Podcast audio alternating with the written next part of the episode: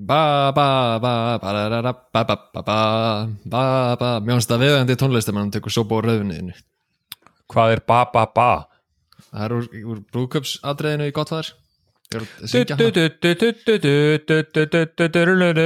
nei, það var ekki það var ekki spilu stereotypísk ídalsk tónlist ah, mm -mm. í minningunni var það gert sko já já, en sjáðu hvað ég er með hérna sem að hún kom með fyrir mig uh, Þetta er ítalströðin Familia Grillo. Grillo, Dia- Italia. Italia. Familio Familia, já Þetta er reynda mjög hérna svona fitting fyrir myndina því að þetta er hérna It's all about family, you don't take it back on family. Það er rétt, við erum komin full circle sko, við erum komin aftur í family. Við erum komnir aftur í, já, en svona aðeins, svona, veist, kannski ekki alveg sama væp og hérna í Fast and the Furious Nei, en þú veist, grunnþemun eru eins. Það er augljóslega, voru Já. hérna, Vin Diesel horfði á Godfather og hugsaði ég vil gera þetta. Já, Ég vil, vil- I want family. Nema bílum og glæpamönnum. Eða ég veist það er glæpamenn báðmyndum nema Ég bílum viss, og tank Já. tops. Eina sem að hann gerði í rauninni öðruvísi og í rauninni eini munurinn er að allar línundar hjá þeim voru mjög lélegar en, en ekki lélegar í Godfather. Þú veist, það var eini svona þú veist, allt sem að fólki sagði í Fast and the Furious var mjög astalegt. Það er rauninni eini, eina sem að klikka á. Svona smá punktur. En allir Vin Diesel hafi ekki verið bara eitthvað "Uh, þetta er ómörg orð. Þetta eru færri orð, I meiri hasar. I can remember these lines. Family. Ætli einhver geti talað eins og Vin Diesel þegar hann er að fara mjög djúft skilur veit það ekki, það er erfiðu gæði er- til að herra eftir sko Já, þú veist, þú veist hvernig á maður að fara svona djúpt hef ég sagt þér sögun á, tó, tó, tók ég já, ég held ég að fara því að fæst það fyrir státturum hann, það sem að Vin Diesel vildi vera alvöru leikari en hann var alltaf flokka, þú veist, hann var ekki nógu svartur eða nógu brúnn eða nógu hvítur og röddina Já. svo svo djúb og eitthvað Já, jú, þú varst eitthvað aðeins búin að minna, minna staða sko. Þannig Það að er Hollywood vissi, ekki hvað, já, Hollywood vissi ekki hvað átt að gera við hann. Já. Is he hm, black, is he white, is he latino? Is- he Italian? Svona lemur þess að opna stereotypu bókina mína. Mm, mm, mm, hvítur, nei, svartur, nei. Uh, latínó, nei. Uh, indöskur, nei, herðu, ég sé bara getur þú gert hreim eða? Nei, nei, Nei. Ég, ég veit ekki hvað þú ert. Já, hvað er röddið þetta? Býtu, wow, hvað kom þetta? Er depths of komið? hell.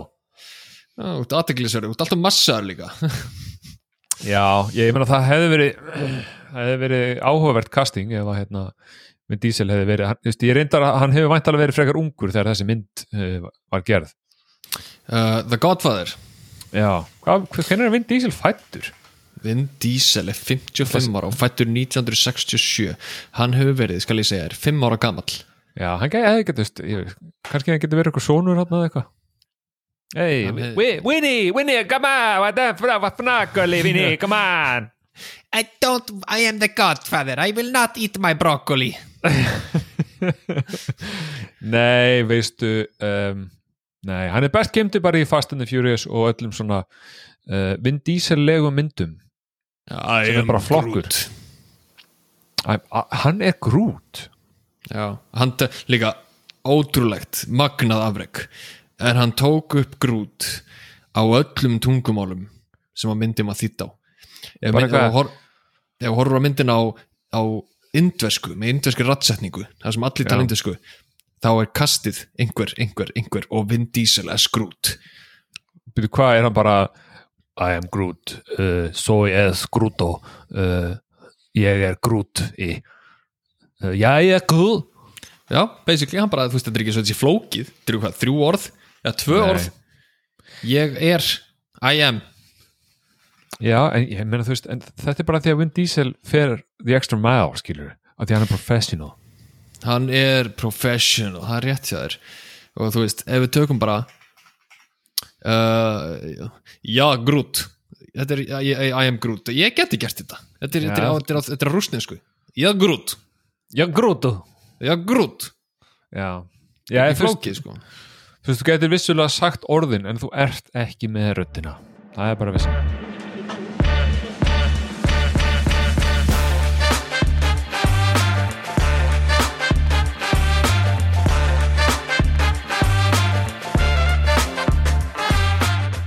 Ég væri til í akkurat núna að Godfather tónlistin myndi spila svona en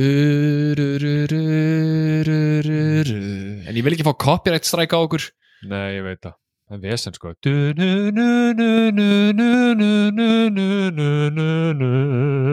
mm.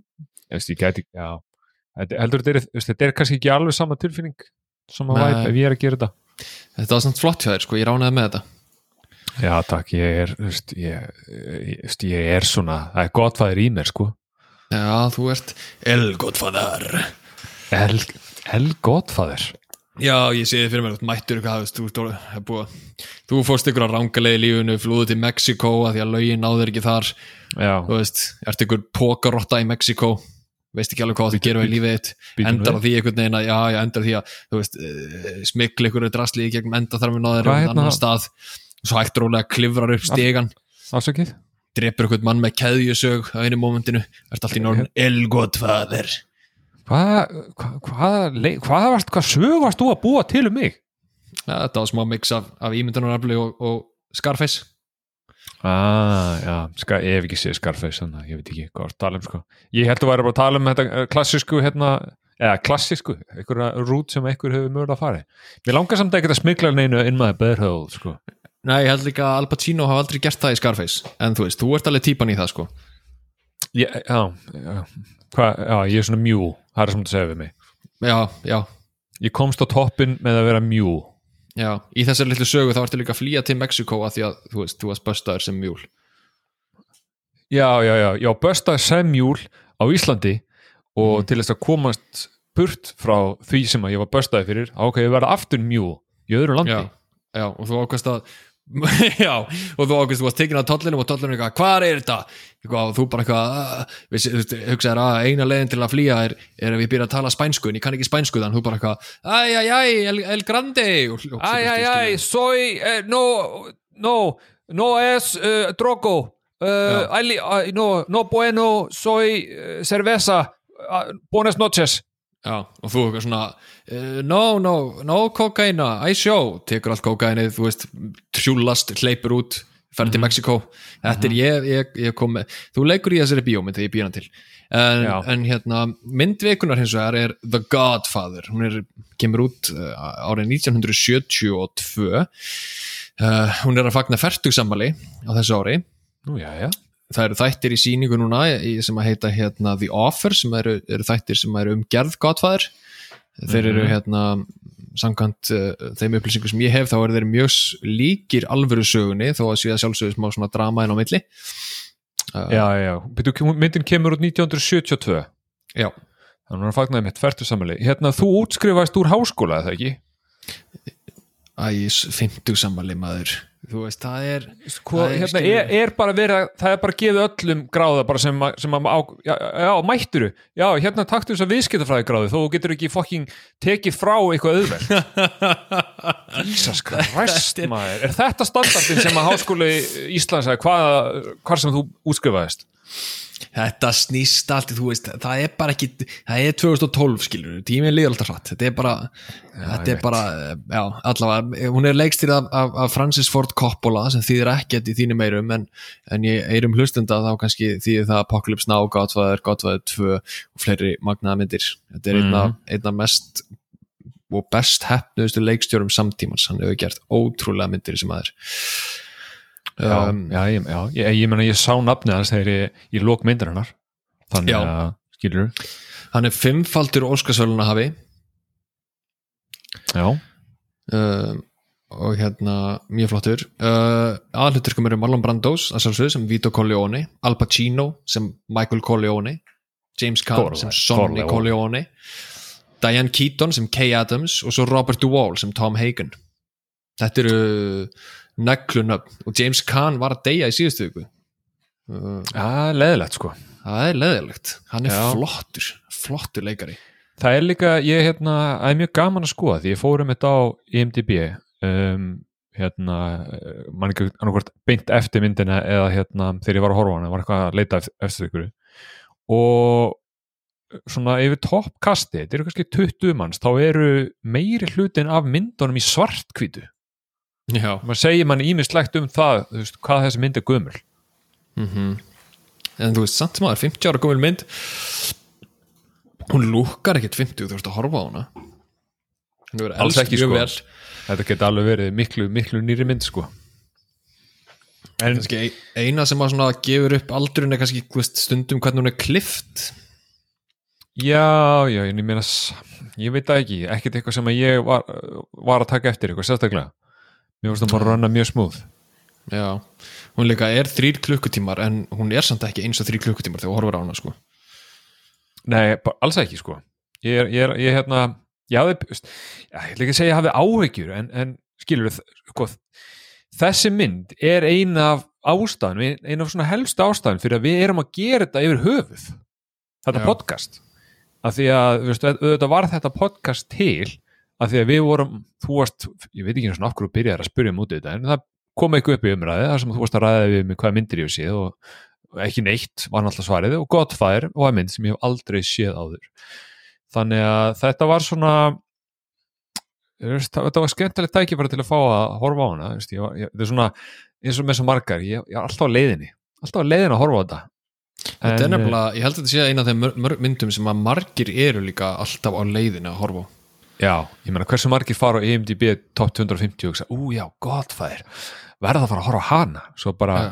en ég meina þú veist og líka, þú veist, það er jújú, auðvitað er þetta geggjumynd þú veist, maður heyrir aldrei neitt annað og maður, maður sér ekki neitt annað en, en að komitta sig í þryggja klukkutíma verkefni að horfa mynd veist, þetta er ekki djók, sko. Ég held nefnilega að margir hugsið mitt sjá hana á top 250 listanum hugsið, ah, godfather maður, ég þarf að horfa á hana. Sjáu uh, aldurinn á myndinni 1972 og sjáu svo running tíman á henni, þrý klukkutímar. Og ah, nýja að horfa á þryggja tíma mynd sem er 50 ára gömul maður. Já, einmitt, þú þú ert kannski komast þú ert kannski farið upp í sófa uh, tíu. Komin upp í, kom, búin að koma þér fyrir og hugsa að ég ætla að horfa okkar mynd, ok? Ég ætla að fara að skoða top, top 250, ok, gott það er alveg rétt. Já, ok, ég byrja að horfa núna, þau eru búin klokkan eitt í nótt, já. Skilur það var einmitt, það var einmitt ein sem við vinnum með sem sagði hérna, oh god var ég, á, ég langar svo að sjá hana ég veit það ekki alveg uh, ég heldur með svona að hann vil ekki sjá hana. Hvort hann endi ekki að horfa hana. Var eitthvað, að hún er svo löng maður, hún er þrýr tímar. Og ég spurði tilbaka, hérna ertu búin að horfa nýju seríun af Stranger Things? Já, klára hann um helgina. Já, veist að síðasti þátturinn þar er tveir og hálfur tími, sko. Já, einmitt. Og, og pásaður þar, helstu bara áfram þú veist, uh, þú veist þetta eru tveir og hálfu tími sko en það, það er náttúrulega sjónvarsefni þannig að það er allt annað. Já, ég meina, hei, það, það hafa allir hort á þrjá til fjóra klukkutíma sjónvastætti í röð og ekki blikkað auga, sko. Algjörlega. Þú veist, og ég er bara segur guilty, Já, já. right here. En þetta eru líka bara, þetta eru mótrökin sem ég finnst gaman að koma með, þú veist, ok, hvað horfður á bingeaður, þú veist, Squid Game? Það eru, það eru 11 klukkutímar. Mm bara benda þær á það, þú veist þrý klukkutímar að gotfaður er ekki svo mikið sko, miða við það Nei, þetta, þetta er bara hugsunaráttur og ég, ég skil hann bara 100% sko. Þetta er bara það sem ég hef alltaf hugsað ástæðan fyrir ég sé svona lítið myndum er að ég er bara, ah, nenni að komitta mér eitthvað í tvo tíma, ég veit ekki eins og hvort ég mun fíla þetta veist. en ég En það er líka munurinn alltaf á bíómynd og þáttum er, er líka alltaf þannig að sko þú ert með 5 klukkutíma þætti og hver einasti þáttur þó að sé overarching plot yfir alla seríuna, það þarf samt að vera eiginlega, þú veist, eitt sögu þráður svona í hverjum þætti, þú veist, það er alltaf mikið af svona vendingum og snúningum sem að ganga. Á meðan þú veist, ein bíómynd er alltaf bara eitt samfellt plot, skilur þetta er bara Já, ein já, saga sem við erum að segja. Hún bara byrjar og svo endar hún. Já, já, já, ég meina veist, þættir, þættir eru 100% þannig, það er eitt svona heldarplott yfir seríuna eða, eða margar seríur, en í hverjum þætti kemur það plott mjög mismikið fram. Það er alltaf bara svona eitthvað side, side thing, side mission, fullt af side missionum. Aðal questið, þú skilur, það er miklu lengra. Já, nákvæmlega. En Eh, sko, ég, ætla, ég ætla samt svona bara rétt að fara í gegnum hvað myndin snýstum já. Myndin fjallar sem settum Vito Corleone, leikinn af Marlon Brando. Hann er komin á 60 aldur pluss kannski. Mhm. uh, og lendir í, í því að hann er hérna skotin aðeins inn í myndina bara klukkutíman í myndina eða eitthvað. Uh, og þá þarf þurfa sinir hans að taka við. Og hérna, mjög reyðis sonur hans, Sonny, leikin af James Caan uh, tekur við völdunum af því að Al Pacino, Michael Corleone vill ekkert með fjölskyldun að hafa. Þú veist, jú, jú, hann, eða, þú veist, hann vill með fjölskyldun að hafa hann vill ekkert með fjölskyldu businessina gera, skilur Nei, hann vill ekki the crime life. Nei, en það sem að Sonny er, er bókstarlega dínamít sem býður bara eftir því að springa og allar hinna fjölskyldunar er að þrista á þá og reyna að taka yfir þeim að því að Vito Corleone liggur á spítala nánast dáin þá þarf Michael Corleone að stíga upp og taka við fjölskyldunni. Og það er svona það sem að myndin snýst mest megnis um. Já, vel, vel ríkapað Sigur Jón Takk fyrir Tryggvi. Eh, Sko, ég hef oft heyrt Marlon Brando. Ég hef heyrt talað um hann uh, uh, Alltaf vitað af honum Vitað að hann var til einu sinni Vitað að hann var góða leikari. Ég hef aldrei séð hann í bíómynd áður. Nei, þetta er fyrsta skipti sem við séum Marlon Brando Þetta er fyrsta skipti. Og það var hérna ég meina, maður skilur alveg hæpið sko. Já, gæin er geggjaður. Maður kann að leika. Leikari. Hann er með 1, 2, 3, 4, 5, 6, 7, 8 óskastilvöndingar og tvær af því eru sigur eitt, eitt að ég fyrir Godfather og eitt að ég fyrir mynd sem heitir Sayonara sem kom 1957 1957 Jésús almatur síðan. Brando fættist 1924 og dó 2004 um, ég ætla ekki að fara að telja upp ártölinn allan þáttinn en ég, ba ég er bara Nei. að segja að maðurinn fættist Þannig að hann var hvað 1900 60 ára þegar hann dó eða hvað, reikna þetta fyrir okkur. Hann var áttræður tryggvið Ég meina, hvað veit ég, ég veit ekki hvað þú getur. Ég er bara gott að það vart ekki með heilaskaða. Ok, halda fram en þú veist, hann var fættur 1924 þetta er bara svona gefur smá hann er gamall.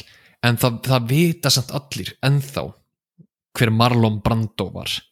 Já, þeir hafa kannski ekki séð mynd með honum en þeir vita, að já, Marlon Brando eða ekki hann að geggjaði leikarin basically það er í rauninni það akkurat það sem maður veit um hann veist, veit bara geggja leikari. Uh, þú ert, ert, ert aðeins búin að kynna mest kynna með fyrir honum svona undanfatna dag sem svona smá svona warm-up fyrir myndina sem er með sögur á honum. Það eru margar áhugaverða sögur svo sannarlega. En þetta var í fyrst skipt sem ég ekki sé hann sko. Það var, það var líka, þú veist, ég hefði pínu gaman að því að vera búin að heyra nokkar sögur um hann. Skilur, hvernig karakterin er svona in real life uh, áður en ég horfði. Já, ég vildi náttúrulega undirbúa þig andlega fyrir framistöðuna hans af því að framistöðan hans er styrluð sem mm. Vito Corleone, hún er geggjuð. En maður metur hana samt og einhvern veginn skilur hana ekki á sama tíma þegar maður veit eitthvað um Marlon Brando og hvernig hann virkaði.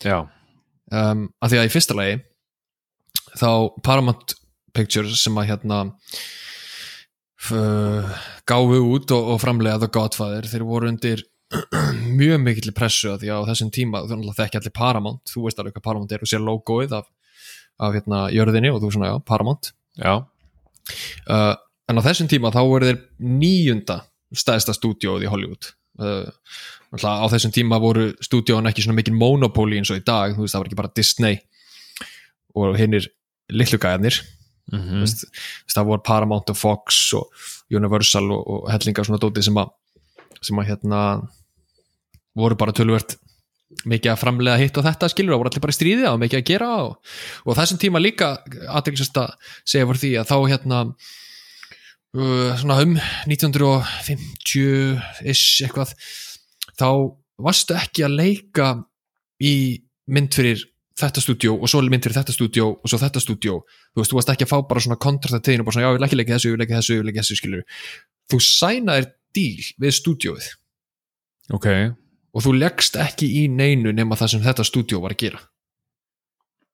Þannig að þú bara, þegar þú varst up and coming actor þá voru bara tíu stúdíu í bóði og þú bara, ég var að velja vel.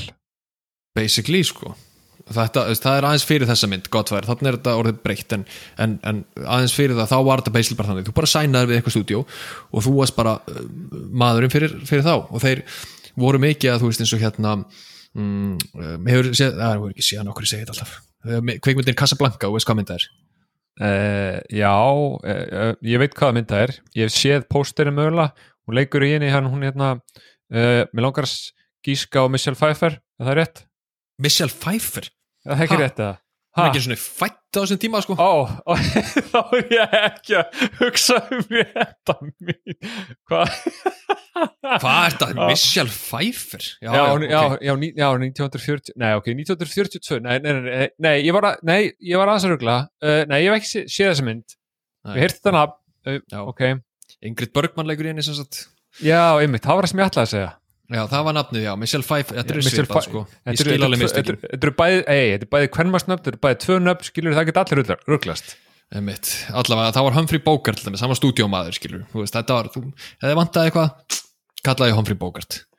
Um, þó að hann reyndar átti ekki verið í þeirri myndin en það er annar máli, kannski rætt að þegar við tökum Casablanca.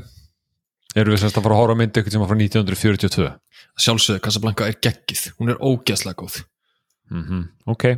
1942 sjálfsögðu, Casablanca geggið, hún ógeðslega góð mm Ok, for all the gin joints in all the towns and all the worlds. Æ, þetta er svo styrlega mynd um, allavega. Wow, wow wow Wow, wow wow Wow wow Skilur, af hverju getum við, sko, það væri frábæra því að nú eru komið hennan lið sem að verður á einhverju tímabúti þessum þætti. Þetta er hennan helundis eftir hennar lið Mhm. uh, Mér þætti mjög vænt um það við getum ykkur sem hann hort á mynd með uh, Owen Wilson. Bara svo ég geti tekið Wow, wow. wow, wow, wow. Já, já, við getum tekið einhverja mynd með Ómilsson Takk. um, Allavega, já, Paramount sem sagt var nýjönda stæðsta fyrirtæki, vá, ég bara myndi akkurat hvar ég var, ótrúlegt. Já, Paramount var nýjönda stæðsta fyrirtækið. Og hérna, þeir voru til mikill pressu að skila hagnaði að sjálfsögðu, því Mhm. þeir voru in the bottom.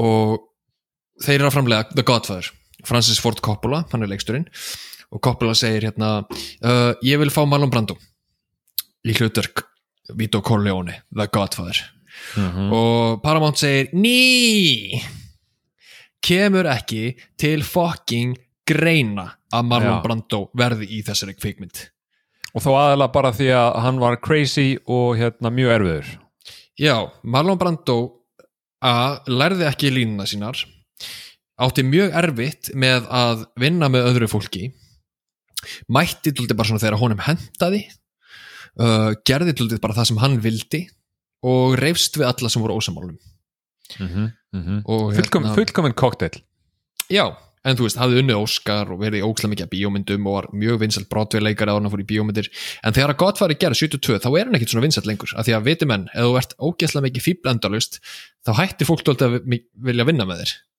já, Ke Eh, kemur, kemur svo sem ekkert ókslega mikið ávart eins og félag okkar Edvard Norton til dæmis. Já, Edvard Norton er svo góð leikari maður. Mm En, Mhm. en, En? hann er, he's a dickhead. Já. Hann er, hann er bara eina sem vantar er hann er ekki Marlon Brando góður. Já, nei, ég menn, þú veist, er það, þú veist, ef þú ert svona leikari nörd, er einhver Marlon Brando góður eða? mm, just, ég veit ég, just, ég er á því að Heath Ledger hefði geta farið, ef hann hefði lifað miklu lengur þá hann geta enda á sipum stað sko. Uh, en þú veist, já, sjálfsögðu er einn einn hérna Daniel Day-Lewis sem ég getur alveg fært raukur því að það sé besti leikari allra tíma. Uh, annar leikari sem ég hef ekki sé eina mynd með, en veit hver það er, samt sem aður. já, hann er, hann er flottur sko. Uh, en ok, Paramount segir bara nei. Ekki sens og forstjóri Paramount sagði orðrétt við uh, Coppola, ég sem forstjóri Paramount banna þér að ráða Marlon Brando. Og hérna og þá uh, segir Francis bara eitthvað come on man. Come on, man. I got, the, I got these cheeseburgers man. Suck your dick, man. ja, það segir hann segir ekki akkurat það en það fyrir á ykkur, ykkur þannig máta Já, já, já, þetta er þessum, þessum svona nótum, þessum dúr. Já, þú veist, þetta, þið þurfum ekki að horfa á því offer. Þetta er svona, þetta er dramatíseringin. Já. uh, skilur við, smá dramatísering blandað með alvöru staðnendum Mhm, uh, en ok, eftir þetta I suck your dick moment, þá segir Positive Paramount, ok, það eru þrjú skiliri Númer eitt. Hann leikur frítt í myndinni. Númer tvö, hann fer í áhörnapröfu og númer þrjú. Hann gefur okkur Paramount miljón dollara tryggingu. Þannig að ef eitthvað kemur upp á og það þarf að reka hann eða hann hættir að mæta þá eigum við þessa miljón dollara. Ok, já. Þetta hljómar svo versti dýl í heimi ég held að það hafi ekki verið búin til verri dýl fyrir leikara nokkuð tíma Nei. Hvernig er það? Langaði þér að leika í þessu risaverkefni? Uh, by the way, fara ekki borgað borgaði okkur miljón og ekki vera dickhead eins og úr alltaf. Já, og farið í áhörnapröfu Já, fara í óverðarprúfi eins og hérna allir hérna óþægtu leikarnir Já, og hérna Coppola segir bara, ok, ekki mál minnstumál, og hann ringir í Brando hann þekkir ekki Brando, hann hefur bara séð hann leika. Og hann segir hérna, heyrðu, ég með þetta þig hérna uh, í Godfather. Uh, ég vil á leiki Vítu Corleone. Hann er ítalskur, hann er mafjáfóringi uh, getur ekki bara gert smá improv og, og ég get komið að hitt þig og hérna, við getum bara svona aðeins tekið smá spinna á hvernig við myndum taka kartin og Marlon Brando bara eitthvað, ok. Og þá ringir Coppola í tvo félaga sína og segir hérna, heyrðu, við þurfum að fara heim til Marlon Brando, við þurfum að taka hann upp að leika. Uh, Brando þólir ekki háfa þannig að hérna, ef að við getum bara allir verið eins og ninjur og þeir helst bara láta ekki sjá ykkur þannig að þeir fóru heim til hans og, og þeir voru bara að tala í tákmálum eitthvað bara, þú veist settu, settu myndalina þarna settu myndalina þarna og, eitthvað, og bara, ok, verður tilbúin og bara svona, hérna, svona str- strike team í hernum bara eitthvað svona merki tveir, Já. þangað, tveir, einn baka þangað, hægri, vinstri já af því að hann þólar ekki háfa, þú veist, má ekki tala saman eh? ég veist, er tal bara háaði Why are you gonna make a noise? That's too much noise. There's too much noise in my home. Why you come to my home and make all these noises? en, en svo tók Coppola með, með sér hellinga ítölskum mat. Salami og svona dót eitthvað. Why you bring the lamb into my house? Já. You come into my house. Og, og, og ítalska vindla og dreifði í svona um húsið eða þú veist, stofuna. Og svo kemur Brando út úr herbygginu sinu eitthvað og með sleikt hár og í einhverjum, einhverjum svona kínveskum, kí, að japanskum kímono frakka einhverjum. Og svona eitthvað "Ugh", og hérna koppala eitthvað svona heyrðu ég að gera þetta? Og hann eitthvað, já, já, og hann var með svona sítt ljóstár þannig að hann tekur hárið sitt og greiður það svona aftur á bak. Eins og í myndinni. Næri í svona, svona shoe polish. Mm. veist, svona svart. Be, ber það í hárið á sér til að gera það svart. Fer svo í, fer svo í ykkur, ykkur skirtu sem hann eitthvað setur á sig krumpa svona aðeins inn uppi og eitthvað. Og svo bara bæn breytist það bara. Tekur eitthvað, eitthvað Kleenex og svona, svona, svona bómulladrasl eitthvað treður í kjaftin á sér segir ekki orð. Svo bara byrjar hann að lappa um húsið og bara bendi eitthvað. disrespect my family? hann hann segir ekki neitt sko. Hann er ekki að segja orð, hann er bara eitthvað "Eh, eh", og lappar eitthvað um og svo hérna er hann eitthvað taka matinn og borða hann eitthvað og taka eitthvað vindil og eitthvað og svo ringir síminn. Bara einhver er að ringja heim til hans. Já. hann tekur upp, hann tekur upp síman yes, hello, og allir alltaf meðan að alltaf meðan að Coppola er að taka þetta upp og hann bara eitthvað, oh my god, þetta er svo fucking stórkostlegt. Þannig að þannig að Coppola fyrir beint til sem sagt, ekki fórseta Paramount eða framkvæmdustjóra, heldur bara yfirmann, yfirmann, yfirmann, stæðsta gæðan Mm -hmm. og segir hérna, heyrðu, ég með þetta dótt sem það þarf að sína þér. Og hann setur það í gang. Og fyrsta sem að kemur á alltaf er bara Brando, bara venjulegu Brando. Og hann segir bara, nei, ekki séns. Bara ekki fucking séns, ég ætla ekki að horfa á þetta bara, nei. Og svo byrjar hann alltaf einu að sjá að Brando er að breyta sér. Og hann bara, þetta er það stórkostlegasta sem ég hef séð. Hann er ráðinn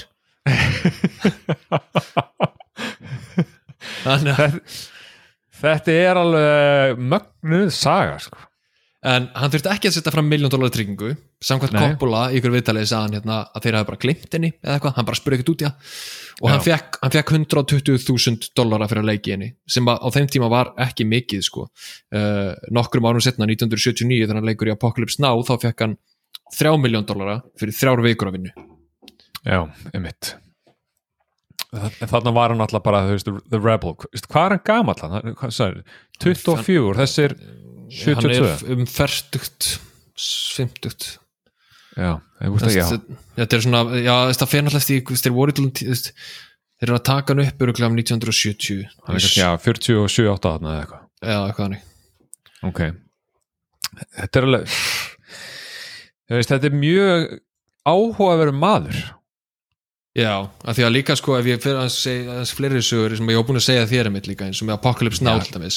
Já, mér, veist, bara kontið með þessa sögur, sko, það eru skemmtlegar uh, Í Apocalypse Now var hann ráðinn sem fyrir þá sem hafa ekki séð hana þá er sagt uh, myndin síst um það að Martin Sheen, pappi Charlie Sheen þarf að drepa sagt mann sem er búin að missa vitið út í skógi, annan, annan sagt. Þetta er mjög covert, enginn má vita af þessu. En hann er búin að missa vitið út í skógi í Vietnam og þess að vera guð. Og til þess að leika þann mann sem að er bæða vegi í myndinni í svona max 20 myndur þá feng, fekk, fekk Coppola Marlon Brando. Aftur. Og hann syngir hann og segir, heyrðu, ég er með þess að hérna, ég er að búið til hérna mynd eftir þessi bók Heart of Darkness. Uh, ég vil að þú leikir hérna Kurtz, hersöðingjan og Brando bara, já, ekki málið maður, ég er búin að uh, lesa þessa bók og hérna, og ég, eh, bara ekkert málið, ég kem. Og þeir voru búin að búa til búning á hann og svona dót og gera hitt og þetta og svo bara þegar kemur að því að Brando að mæta þá bara er hann bara ógæðislega, ógæðislega, ógæðislega mikill leifiþyngd Já, hann átti að vera grannur það ekki? Jú, hann átti að vera mjög grannur búandi út í skó. Mm -hmm. í einangrun með einhverju fólki getandi bara einhverja plöntur eða eitthvað skilur en hann mætti ógeðislega grannur og hérna og, og krafiðist þess líka að nafninu eruð breytt, hann myndi ekki heita Kurtz hann myndi heita eitthvað Lally, eitthvað Leila eitthvað, no, eitthvað, eitthvað svona, hann sagði ég vil að þetta sé næsnafn eitthvað sem er gaman að segja. Bara Larry eða eitthvað. Já, eitthvað þannig. Þannig að þeir þurftu að sagt, taka upp alla myndina með þessu nafni. Uh, svo allt í einu hérna á viku 2 þegar mætir þá er búin að hugsa sko guðmugóður hann er að fara að eðilegja allt hérna og ég mynd þurfa að borga hann þrjár vikur í viðbútt svo á viku 2 þá mætir hann og hérna uh, já, hann bæði við kunni ekki neina línur Nei. kunni enga línur en Er það alltaf bara, er, veist, er þetta alltaf bara spuni ég veist í gott fæðir, er þetta spuni þess að mynd er þetta spuni, er þetta svona hann roughly las yfir og Nei, einhver las þurfa hann- náttúrulega að vita eitthvað Já, í Godfather þá las hann yfir, skilju, en hann vill, hann vill aldrei þekkja línunni sínar. Hann vill hafa þær á miðum þar sem hann getur lesið þær. Af því að hann telur það sem sagt að ef áhörundin veit ekki hvað hann er að fara að segja, þá ætti hann ekki heldur að vita. Nei, mitt Þannig að hann gerir alltaf fyrsta takan er alltaf bara hann að lesa þetta í fyrst skipti. Uh, en svo að viku tvö í, í hérna, Apocalypse Now, þá mætir hann búin, er sköllóttur, búin að raka sér allt hárið ennþá ógislega feitur og segi við, segi við Coppola, heyrðu, manstu því ég sagði þér ég væri búin að lesa bókina, ég lauga þér, ég var ekki búin að lesa hana, en ég las hana í gær og hérna, ég vil að karakterinn minn heiti Kurtz aftur, eins og nátt að þetta já, þannig að þau þurftu að döbba allt aftur. Og svo náttúrulega var hann bara hérna, þetta handrit og hlutinni sem ég er að segja, nei, ég ætla ekki að segja neitt að þessu, uh, bara ekki neitt. Þannig að hérna ég ætla bara að segja mín einu hluti. Og, og svo náttúrulega var hann ekki í neinum hermannafötum sem var búið að klæða, eða sem var búið að búa til fyrir hann því að hann var of þungur og stór Já, og það var ekki hægt að búa til föt á hann. Þannig að hann er bera ofan allan tíman í myndinni. Og, og það er bara tekið sko frá svona nánast svona eh, bringubeini og upp til að sína ekki, já, til að sína ekki bumbun hans.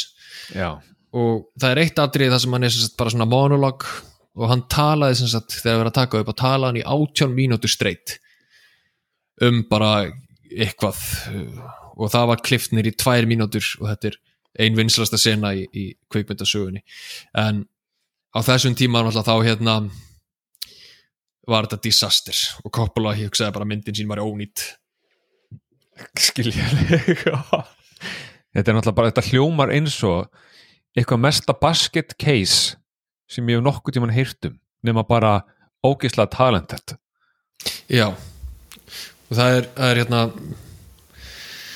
síðasta myndin sem hann gerði heitir The Score, hann gerði hana með Robert De Niro og hann gerði hana með Edward Norton. Í The Score leikur hann samkynnaðan hérna glæpamann sem að er að skipulegja sem sagt eitt loka rán á þannig er hætta. Og þeir eru þrýr sem er að gera það. Nema öll atriðum Valon Brando eru tekinu upp í einu herbyggi, í einhverju stofu sem hann á heimi uh, hann vildi aldrei fara úr sófanum sem hann átti að vera í þó hann átti kannski að lappa um, þá lág hann samt í sófanum og á sundögum var hann meira bara í nærbuksunum sínum. Mm -hmm, mm -hmm. og uh, hann reyfst svo mikið við leikstjóran að Robert De Niro þurfti að taka við sem leikstjóri á köflunum sem Marlon Brando var í. Því að hann gat dílað við hann eða bara, eða bara þú veist, Nei, af því að hann bara bara reyfst ekki Já, við hann, skilur bara gerði bara sem þú vilt Já, ég tek þetta bara upp og þú gerir bara sem fókjum vilt að nærbuksun, þú ert ógíslegur en þú veist, þú ert Marlon Brando og bara, gerir bara you do you boo. Já, you do you boo, sko.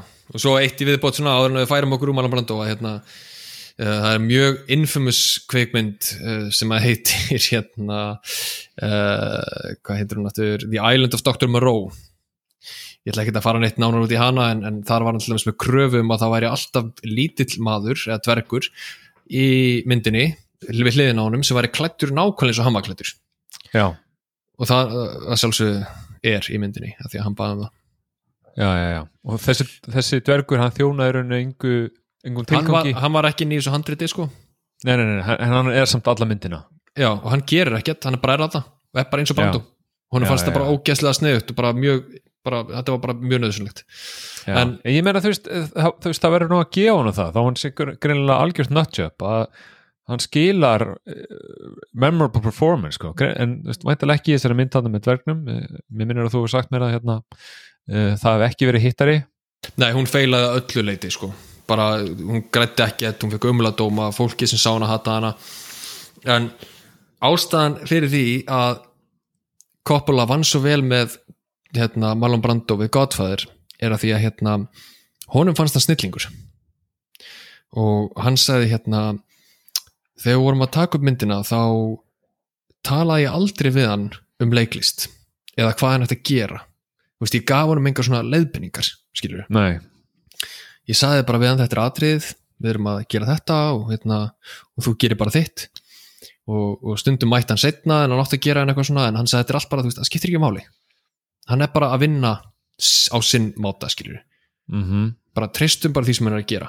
Þannig að hann, hann var mjög hrifin á honum sko, af því hann þessi, þetta er svona gæin sem þú svona, þú veist hann er, það þekki einhvern veginn all, hljóta allir að kannast eitt svona gæja sem svona kemst upp með aðeins og mikið af því að hann gerir hlutin of vel.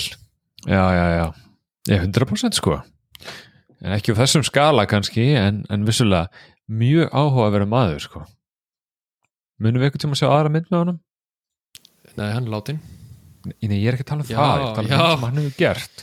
Já, já, já, já, já, við þurfum að, við þurfum að horfa náttúrulega á Apocalypse Now Já, ég get ekki beðið eftir því að sjá uh, Marlon Brando ber hann á ofan eða þú veist svona hálf gerur mm -hmm. Já, uh, þetta var, þetta var gott segment um Marlon Brando segir hún, ég er ánægð með það.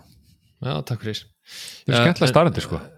Já, ég meina, þú veist, hann er mjög aðtiklisverður maður. Mm það fer ekki mellir mála og hann alltaf fekk Óskarsvölum fyrir þessa mynd og hann alltaf tók ekki við þeim. Hann afneitaði þeim og, og sendi í staðinn mannesku sem er sem sagt Native American eða Indjáni uh, til þess að taka á móti veljónunum og halda ræðu um það hvernig bandaríkjaman myrtu allan hérna ættbólkinunar Já, einmitt. E, e, eins, og, eins og við segjum, hann er alveg nöttari sko. Ég, mig, mig grunar þessi gæi. ég, Já, mig grunar samt þessi gæi á milli þess að var leik í bíómyndum var hann bara pottitt heima á sér? Hann var bara eitthvað svona whi- white trash gæi bjói pottitt í stóru húsin en var samt bara í hvítum hérna oh, hvað heitir það, Granny Grandpa Panties, ég man ekki hvað heit Tyree Whiteys, thank you. Það var bara heima á sér Tyree Whiteys og bara gerði ekki neitt, svo bara fekk að símtalið leika þessi mynd og bara, já, já sure. Hvað borgaru hvað borgaru og svo, svo er mitt pælum að í því allir svona gæi hafi ykkur sem pælt í því þegar hann, bara eins og með Godfather þegar hann var að leiki í þessi bara að þetta er mistarverk eða er hann bara, kláraði hann bara tökur og fór bara heim og úr buksunum og upp í sofa og pældi ekkert í þessi meira Ég hugsa nú að við gerð þessara myndar hafa nú örgulega hugsað bara, okkur, við erum að gera eitthvað merkilegt hérna. Þú veist, Við erum, this is acting. hann er að vanda sig sko Já, hann er ógeðslega góður. Ég held að þetta sé líka bara fínt segvei að henda okkur í eftirhermi vikunar. Æje Ok Eftir herma vikunar, eftir herma vikunar, eftir herma vikunar Hún verður ekki jafn slæm og þetta lag sem ég bjóð til Af hverju hættir það ekki? Please viltu hætta? Þetta er eftir herma vikunar Yey! Yey, þetta skemmtilega og ekki vandrarlega lag sem þú bjóst til Ah, þetta var gaman.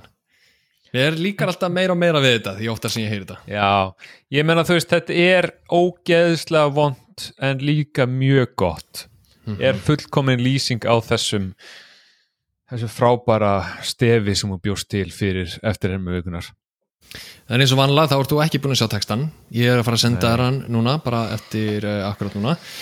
Hverju ger ég þetta? Hverju ger ég þetta? Sjálfum mér þetta?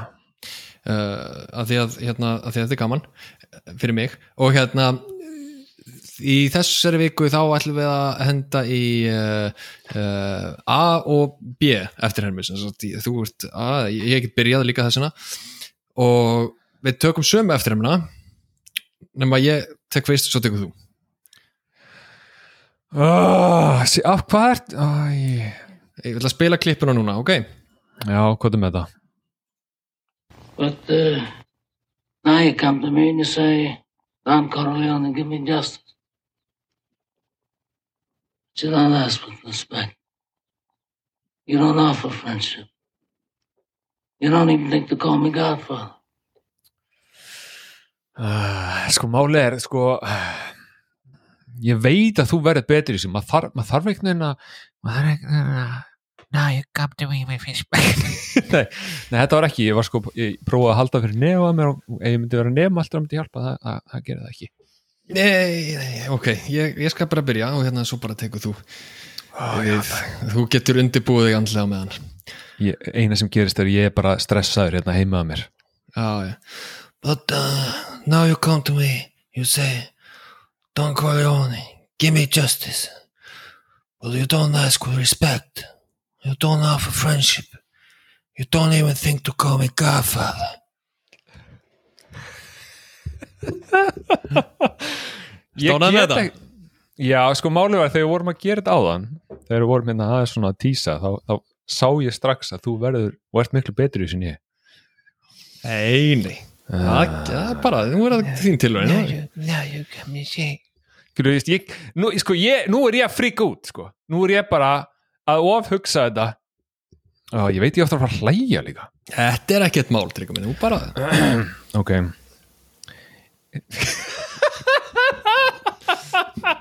ah, fuck me maður ok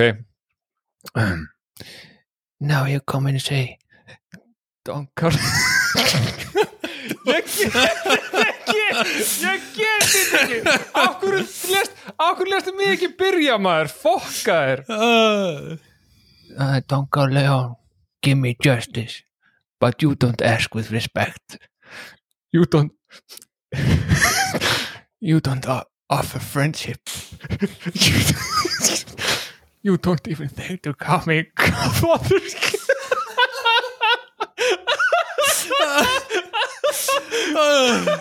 Oh, sorry, ég þurfti að fjarlæga mig úr kameru svo ég var ekki að trubla þig, sko, ég gæti ekki að hætta að hlæja. Þetta er eins og, þetta er eins og maður sem liggur á dánabeðinu sinu Þetta er einhver gæi sem bara, hann er að deyja, sko. Ég, ég heyrði bara titringin í röddinu, þetta eru síðustu orðin sem er að koma út úr þessum líkama, sko. Fucking hell. Já, já, veistu hvað, hey það er alveg vitað að ástæði fyrir við gerðum að lið er að ég er ekki góður í þessu. Og hérna og, og það bara uh, síndi sig. Og það er alltaf lagi. Skilur, ég þarf ekkert að vera þarf ekkert að vera frábær í þessu. En ég gerði mitt besta. Ég, re- ég, ég reyndi að hlæja ekki. Ég reyndi að ángur eins að lesa þetta. En ég, svo heyrði ég sjálfur mér og ég heyrði hversu fálægt var og svo he- sá ég þig hlæja og svo sá ég þig fara úr mynd að þú varst að hlæja svo mikið. Og það hjálpaði ekki en uh, já, takk fyrir þetta þetta var gaman ég hef, ég hef gaman að þessu lið Já, mér langar að spila þetta einu sinni uppbót svo að fólk fái smá svona But uh, now you come to me and you say, Don Corleone, give me justice. But you don't ask with respect. You don't offer friendship. You don't even think to call me Godfather. Já, mér heyrist þú bara hafa verið ansinn nálægt þessum Já, þetta er mjög flott já, svona í eftirhaukju þá hérna, ef ég hefði sleppt ég að hlæja þá var röddin í raunni sá partur sem ég var ekki að hlæja, það sem ég var ekki að taka eftir um ég myndi segja að það hefði verið alveg nokku, nokku veginn svona spot on. Þetta já, þetta var flott hjá þér, ég er ánæður með þig. Mundu að ég er alltaf mjög ánæður með þig. Hei, sömu leiði skilur við, við, við erum bara ánæðir skilur við erum, við erum bara hérna til að hafa gaman en ég er samt, eh, það er samt, ánæð, er samt gaman að, þessu atrið, þessari klippu sem aldrei þetta er í raunni í byrjunum á myndinni. Þetta er fyrsta atriði í myndri Já, þetta er veist, myndin byrjar alltaf bara því að það er bara svartur bakgrunur og einhver maður að segja eitthvað ömulega sögu um eitthvað sem að dóttir að slendi í. Já, og sem er þessi maður sem hann er að tala við you don't offer me respect. Já, ég, veist, ég veit ekki hvað er að gera. Okkur, okkur kom Robert De Niro andlit á þig Veistu hvað, ég veit það ekki. Kannski þarf ég bara að setja tvo púða hérna í vörun á mér skilur við Já, já, já, farið karakter, þú ert method leikari sko, þú ég, það, ég, það veit allir er það veit allir að ég er methodleikari, skilur Já, já, ég, ég les ekki bara línur okkur spjaldi, sko, ég þarf að liða minni karakterinu og, og það ég bara var óundabúin og hérna, skilur ég þarf að, I need to think about my role Þarna, þarna var þetta, hverju er ég þarna að reyna? Já, ég- Þetta var bara- besta eftir að hingað til. þetta verður verra og verra með hver, hvert skipti? Ah, en þetta var mjög hérna það sem mér hefði gaman að þessu atriði.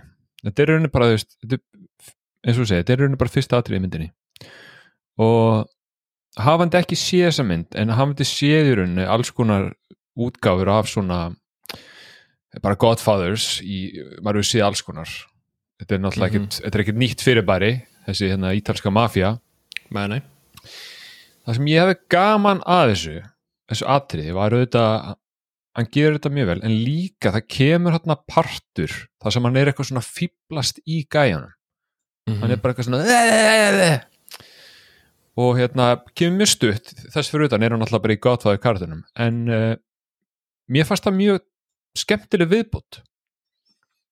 að þú veist, að því að þú veist, þetta er náttúrulega bara eitthvað gæi skilur, þetta er ekkit, hann er ekkit alltaf bara svona, hann er alveg ekki líka hann er ekki alltaf bara disrespect my family. Skilur Hann, hann, er líka bara sko. hann er manneskjá og það er það sem ég finnst svo gaman við þegar maður sér svona, ég þó líki þegar maður horfir á okkur svona hlutverk. Og þetta er bara sami gæin í þrjá klukkutíma skilur Já, já, já. Bara alltaf eins. Sem það þarf ekki mikið Nei, sem er líka bara rosalega sterkur punktur hjá þér að því að, að, því að hvernig, hva, hvar sjáum við veist, Don Corleone alveg síðast þegar hann deyr? Veist, hann er að fýblast í garðinum með barnabarninu sinu veist, hann er að setja að setja appelsínu börk upp í munnin á sér til að líta út svo skrimsli og, og er að eldan um garðin skilur, það er verið að búa til mennskan karakter. Ekki, ekki bara eitthvað gæja sem bara endurlega hugsandi um það hvernig hann er að vera mafíuboss. Já, nokkulega. Og þú veist, mér finnst þetta ógeðslega hérna svona skemmtilegt sérstaklega fyrir hans karakter. Mér finnst þetta geggju viðbót við hans karakter. Uh, og, og annar borð svona þegar ég hugsa út í það bara núna eftir á. Uh, Al Pacino hann er rauninni sami gæin þannig séð allan tíman hann er svona alvarlega típan bara Já. alltaf skilur hann, hann fer bara hann fer náttúrulega í gegnum stæðstu hérna, karakter örkina í myndinni sko. Já, já, já, en hann er samt svona þú veist, á alvarlegu nótunum. Uh, já, af því að, af því að já, það er nefnilega sko, mér langar nefnilega að ræða þetta. Það er samt eitt sko eitt áður en að bara við förum í Al Pacino umræðina það er alltaf bara pínu svona punktur. Uh, í byrjun á þessari mynd þetta er náttúrulega, það er hálftíma atrið það sem þetta er bara fjölskyldan saman í brúðköpi, það er að fagna hana hjá dóttir uh, Corleone, Don Corleone My daughter's wedding. My daughter's wedding. Og hérna Al Pacino kemur í þessu atrið hann er hermannabúning hann er að tala við hérna, Diane Keaton. Uh, ég horfði á þetta atrið og hérna pældi bara okkur, þetta er bara einhver gæi þetta er einhver leikari, ég veit ekki hver þetta er. Og allt atriði kláraðist. Hálftími búin að myndinni og ég Mhm. fattaði ekki hver þetta var. Svo kemur atriði stuttur setna þar sem að hann og Keaton eru fyrir utan einhverja búð eða fyrir utan einhverja bíó eitthvað eru komin í, komin í borgina. Og þá hugsa, herrðu, þetta er sama þetta er Diane Keaton aftur, hún, en hún er með núna er hann Albert Shein, býtur við. Og ég spólaði tilbaka. Ég spólaði tilbaka í brúköpið og horfði aftur á gæjan í hermannabúningum og hugsaði, er þetta Al Pacino? þetta er Ha? nefnilega Al Pacino sko. Það hann er bara, hann, hann er 12 ára sko. Já, þetta er, þetta er hérna þetta er önnur kveikmyndin sem hann leikur í það er fáralegt sko. Hann var, uh, fyrir þetta var hann brottveilleikari alveg sem Marlon Brando var áður en hann byrjaði að leika. Mm mjög vinsælt brottveilleikari og hérna uh, stúdíóið, það hataði hugmyndina um að fá Pacino, vildu alls ekki fá hann, af því að einmitt þeir voru að taka svo mikla áhættu með Godfather. Þú veist, þeir voru búin að taka áhættu og fá Marlon Brando. Myndin þurfti að græða mikið pening. Og svo segir hérna Coppola segir ok, ég vil, ég vil fá Al Pacino líka. Og þeir bara hvað, veist það, gaur og þú veist nei, Coppola bara aftur bara hvað, I got more cheeseburgers man! Og, og, og þú veist það fyrir back and forth, back and forth uh, hérna, þetta er ekkert vola aðteglisum saga sem endar samt á því að að hérna. Pacino er, er komin Já, og þetta er ekki Pacinoin sem að við þekkjum í dag sko. þetta er ekki húa húa hey, where's my thing Eh, þú veist, þetta er ekki þessi Pacino sko. já þessi, er þessi ráma rödd sem að hérna, maður heyrir í öllum Al Pacino myndum sem maður er að horta á Þú veist, og ég hef náttúrulega bara séð Al Pacino þú veist, eftir hann er komin yfir ég langar að segja sextugt, já. eldra skilur, Það er- það er einu Al Pacino sem ég hef séð svo kemur þessi gæi og ég bara þekkt hann ekki sko.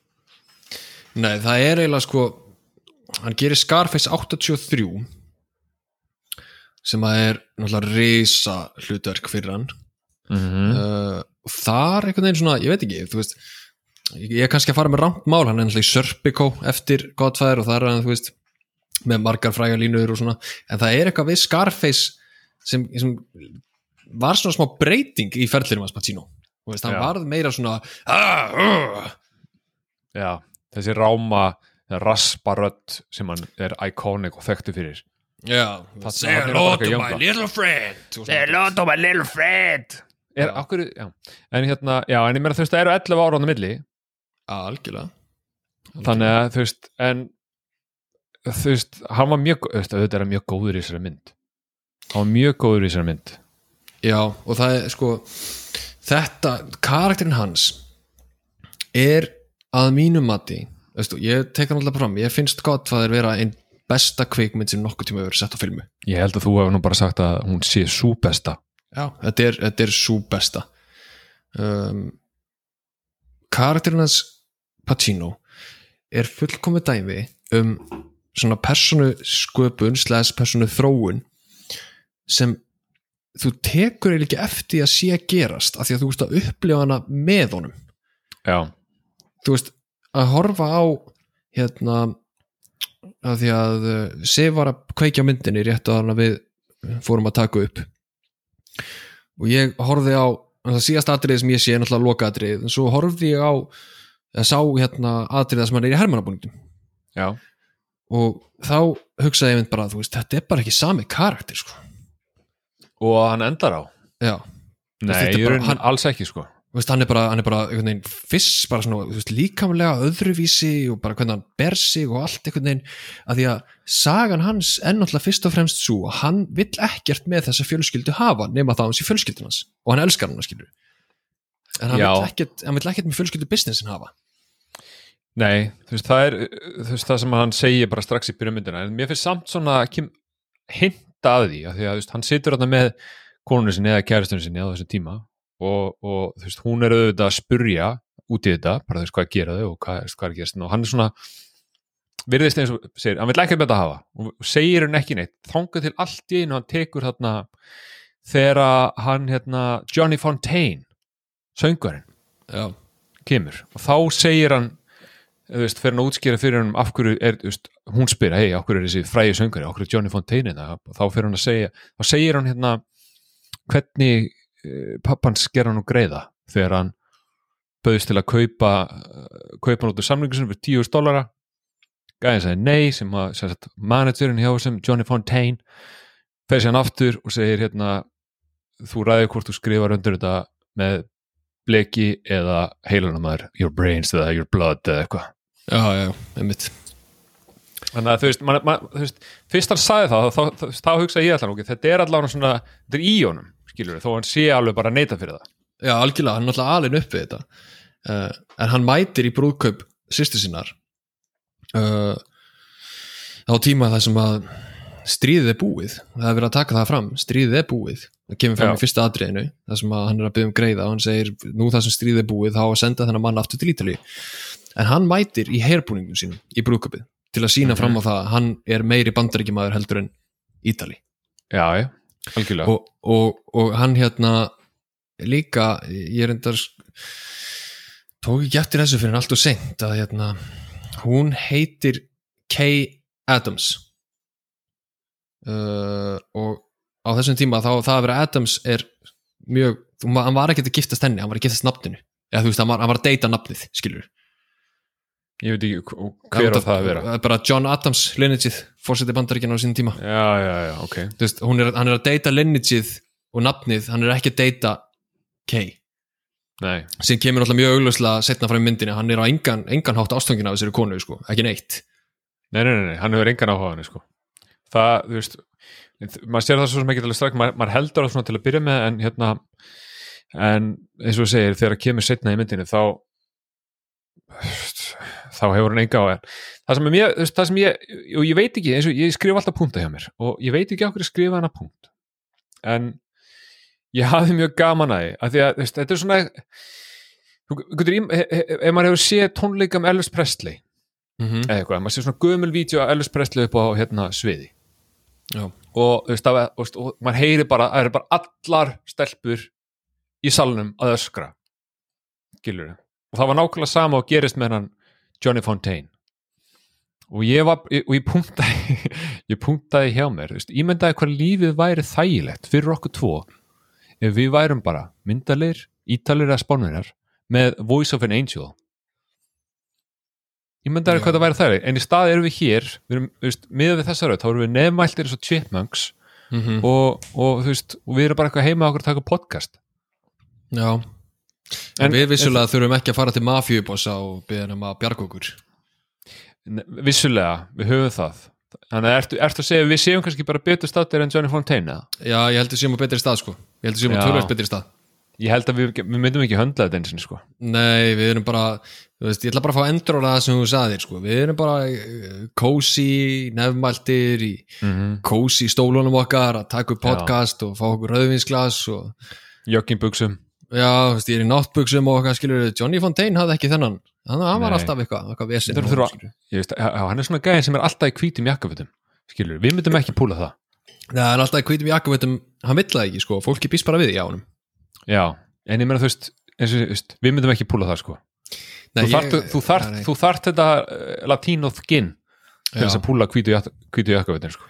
Já, en, en hérna uh, talandu um það með, þú veist, Michael einhvern veginn svona dregst hægt rólega svona smá inn í þetta, hann, hann uh, segir já, ég skal fara á okkur fund, skjóta hennan gæja og ég skal flýja til Ítalíu, ekkert mál. Ég skal gera það fyrir fjölskylduna.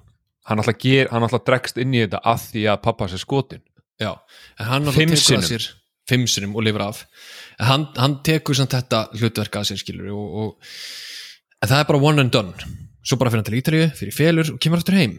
Og hérna og þar svona breytist hann líka alltaf hægt og rólega, hann svona byrjar að kynnast ítalska uppruna sínum, finnur sér ítalska konu og meira svona, og að mitt atrið er ekki með texta, þú náttúrulega sendir á mig í gær, ákveður ekki texta á sig, ég skil ekkert hvað er að segja. Já, sko það sem Sveigurinn er að tala um núna er að hann er, hann er sett, fer, hann skýtur tvo í hausinn, hvort við förum dítalaði út í það, kemur ljós setna mér en fer til Ítalíu.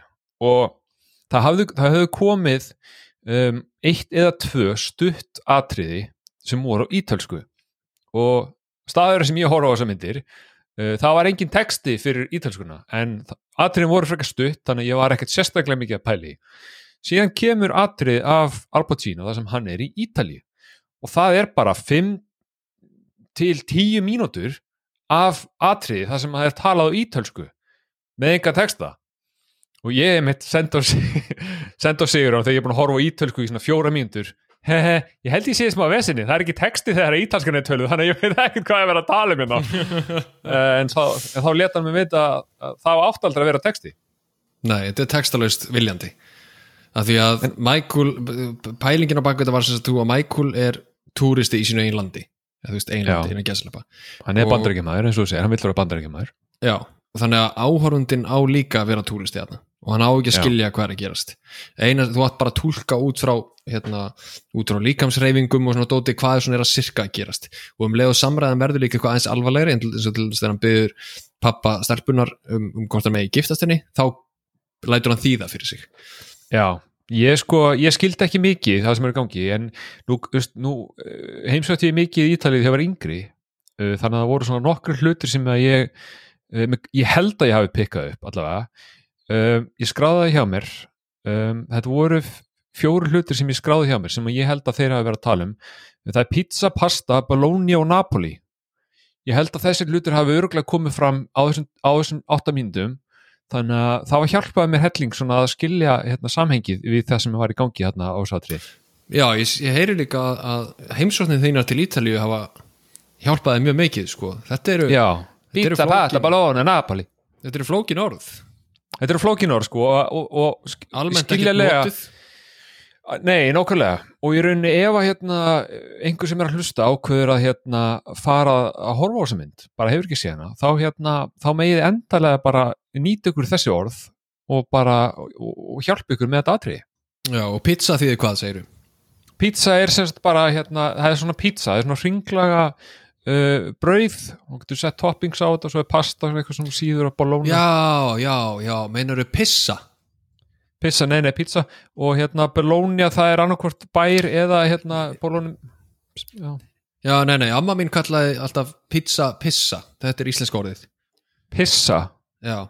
alltaf að panta eina stóra pissu Já, farið nú að keiftu, já, langan mín, farið nú að keiftu eina pissu. já, var það bara svona að því hún neitaði að segja seta Uh, nei, svo meigun á gólfið. nei, þú veist þetta er það sem við Uh. köllum í bransanum uh, svona random og jafnvel óþarfa djók Já, já, En- hann er það.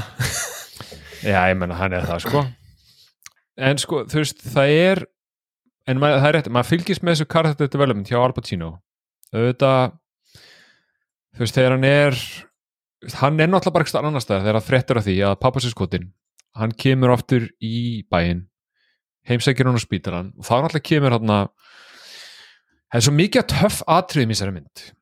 Mm -hmm. það að góða við þessa mynd er segja, hún er þrýr tímar, hún tæpir þrýr tímar en hún, hún hún skiljum mann aldrei, aldrei eftir á þeim stað það sem er svona, jæja hvað, hérna, ætlaði eitthvað að fara að ske Já, ef ekki aðeins að fara hérna. ef ekki aðeins að bara, herru, Rapido, Rapido koma svo, koma svo. Já, það er mættur að fundi hérna, sko. Nák og þú veist og þú veist, hann kemur hann veist, nú er hún alltaf svolítið að flakka fram og tilbaka, þetta er fyrir Ítalíu áður en fyrir þangað. Þá kemur hann tilbaka þegar pappa svo skotin og ég þú veist, þar kemur hann að pappa sínum það er búið rekalla verði í burtu þannig að hann laumar hann tilbaka og, og þeir plata að því að það er ágærinlega að klára pappan Don Carleone og hérna, en það misefnast og svo stutt eftir það kemur plotti þar sem hann á að skjóta mannin sem að skipulaði hittið á pappans og löggufóringjan sem að hérna var greinlega corrupt og var, var með hann í vasanum. Og þetta þetta, þetta er langt build-up frá því að hann kemur af spítalunum og þeir fara að skipulegja hvernig hann ætlar að drepa þessi tvo gæja Mm -hmm. þetta er langt build-up þetta er, er mikið að hugsa og hérna ég veit ekki hvað, er kannski tíu mínútur af bara það sem er bara að ræða og og ég varð bara stressaðri og stressaðri og spenntari og spenntari með hverju mínútun sem leið fyrir svo atrið þeir voru að skipulegja, þeir voru að keira á staðinn, þegar hann var að leita byssunni, ég var bara uh, ég, veist, ég, var bara þú veist, veist, ég var bara með harða gerfurtur og veist, ég bara skilur þið mér fannst það svo töff. Mér fannst bara svo töff hvað það greip mann. Það er líka að því að myndin hún er sorry, en hún er nánast fullkomin. Hún gerir svona atriði svo rosalega vel, eins og þú segir það eru tíu mínútur uppbyggingu fyrir mjög einfalt hitt e leigumorð eða morð bara. Já, og það drepa að tóka Já, þetta, í, í, í, mynd sem væri um, kannski aðeins öðruvísi klift og, og kannski aðeins nútímalegri og ekki alveg, ekki alveg þrý tímar þá væri þetta bara, ok, við, bara, við ætlum að setja byssun og klósett og fara klósett og sækjana og þá hefði kannski farið meiri tími inn á veitingastæðin sjálfana sem þeir eitthvað að tala og hann sækja byssun og skýtur á. En í staðin eftir með alla uppbygginguna hvað ég á að gera, hvernig ég á að gera þetta hvað getum við gert? Veist, við þurfum að fá hvar fundurum verður. Erum við að fara að ná því og þú veist, mm það, við, þurfum, við þurfum að geta falið byssuna líka, höfum við tíma í þetta allt? Er þetta að fara að takast? Nákvæmlega, just, ma maður hugsa alltaf á einhvern tímpúndi þetta er að fara að fokast upp, það hlýtur að fokast upp. Þeir eru að keira, akkur eru að keira við heilum stað? Akkur segir þetta, þú veist, og svo er það þú veist, og hann veit hvað þetta verður, svo keira þeir í áttuna New Jersey, hann veit að þetta verður ekki þar. Að segja, we going to New Jersey. Og svo teka þær uppi og maður bara, fucking hell maður. Þú veist, ef þeir ekki fara þetta staði, byssa verður ekki annars svo snúa við, ok, getur við að fara á einhvað skilur, og svo bara, þú veist, eru þeir að fara að fatta allar hann að, allar hann að leiða um að tala nógu mikið, þannig er fatt ekki að hann er að fara inn á klóstur að segja byssu, hvað ætlar að segja mikið, hvað, þú veist, maður er allan tíma bara að reyna að átta sig á hvað er að fara að ske. Og alltaf að ímynda sér að þetta sé að fara að fokast upp. Já, þetta er þetta er, þetta er hérna þetta er mjög frækt atrið en þetta er ekki eins og þú veist þetta er ekki eitt af stæðstu atriðum á myndinni. Þetta er bara eitt atrið sem gerist eftir klukkutíma á korter eða eitthvað. Já, þetta er bara Í eitt af sko. atriðunum. Bara eitt af, af atriðunum í myndinni. Þetta er ekki, þú veist það eru fleiri svona atrið þegar bíllinn Já. springur í Ítali og eiginkonuna steir og svona, þú veist. Það er bara það er fullt af svona atriðum, sko. Þetta er bara allt svo mestrarlega gert. Þetta er, ég, algjörlega, þetta var just, þetta var eftir just, einhvern veginn svona þetta atriði algjörlega greip mig og ég, ég var bara just, ég, var svo, ég var svo spenntur einhvern veginn fyrir þessu öllu saman Já. allt, allt skipulæð fyrir þetta. Þegar hann tók þegar hann just, fyrir að þreif eftir byssunni finnur hann ekki, finnur hann ekki, finnur hann ekki, finnur hann ekki finnur, ég bara fucking hell, finnur hann ekki ég var ángrís, ég var farin að svitna skilur og það þar, og eins og þú veist að það er mikið til að það gerist. Sveittur núna sko ógesla sveittur. Uh, alltaf en, en eitt sem að mér langar að koma í lokapunkt með kontrastið á milli Michael Corleone sem Al Pacino í byrjumyndarinn og endamyndarinn uh, fyrsta atriðið með honum þegar hann er að tala með Kay í brúðköpunu og hún segir, já, okkur er þetta, okkur er þetta? Og hann er eitthvað svona, já, þetta er fjölskylda mín þú veist, uh, þetta eru hættulegi menn bla bla, og segir svona, þú veist, segir einmitt, þú veist, annarkvæmt skrifur þetta með bleki eða blóði, þú veist. Þetta er svona. Já, og í síðasta átri myndarinnar þá segir hann við Kay aftur þegar hún spyr eitthvað út í businessið. En núna því að hann er orðin hluti af þessu og er orðin guðfæðurinn sjálfur þá segir hann bara don't ever ask about my business. Og lokar basically á hana bara ítir hann út. Og þetta er svo svo, þú, áttar þig einhvern veginn ekki á því þegar myndin er í gangi hvað, ert, hvað hann er komin langt. Nei, alls ekki sko og svo bara einhvern veginn færðu smá svona bara svona, bara svona svo að sé skött í því bara köldu vatni. Þegar að allir sem áður búin að fylgjast með sem er þá levandi í businessinu byrja að kissa á hann um hendina og kalla hann godfather. Og þú bara svona Já. shit, Michael er bara orðin guðfæðurinn og hann vildi ekkert með þetta hafa en hann er augljóslega besti maðurinn í verkið. Það er 100% sko, það hérna og síðustu bara kannski, þessi, þessi gusa kemur raunni bara síðustu 20 mínútur í myndinni mm -hmm. bara þá virkilega færðu tilfinningu fyrir því og sjá hversu mikið, hversu invested hann er í þetta og, veist, og hvað hann er með allt á hreinu og líka hvað hann er, þú veist Sonny, bróður hans var reyður og fljótfær og vildi Já. drepa allt maður, þú veist, að, að finna við hann líka, Sonny er að hérna, bara strax frá byrjun þá einhvern veginn þú veist, það er náttúrulega þetta klassiska dæmi að þú veist, þú átt hérna þú ert a respectable father. Þú ert maðurinn sem allir respekta. Þú átt alltaf skrú upp sonin einhvern veginn, það er alltaf svona það er svo algengt sideplot þannig að ég var alltaf til að byrja með með Sonny og alveg bara stóran part af myndinni er rauninu bara kannski, og kannski stutt áður en hann er drepin, þá var ég ekki alveg viss.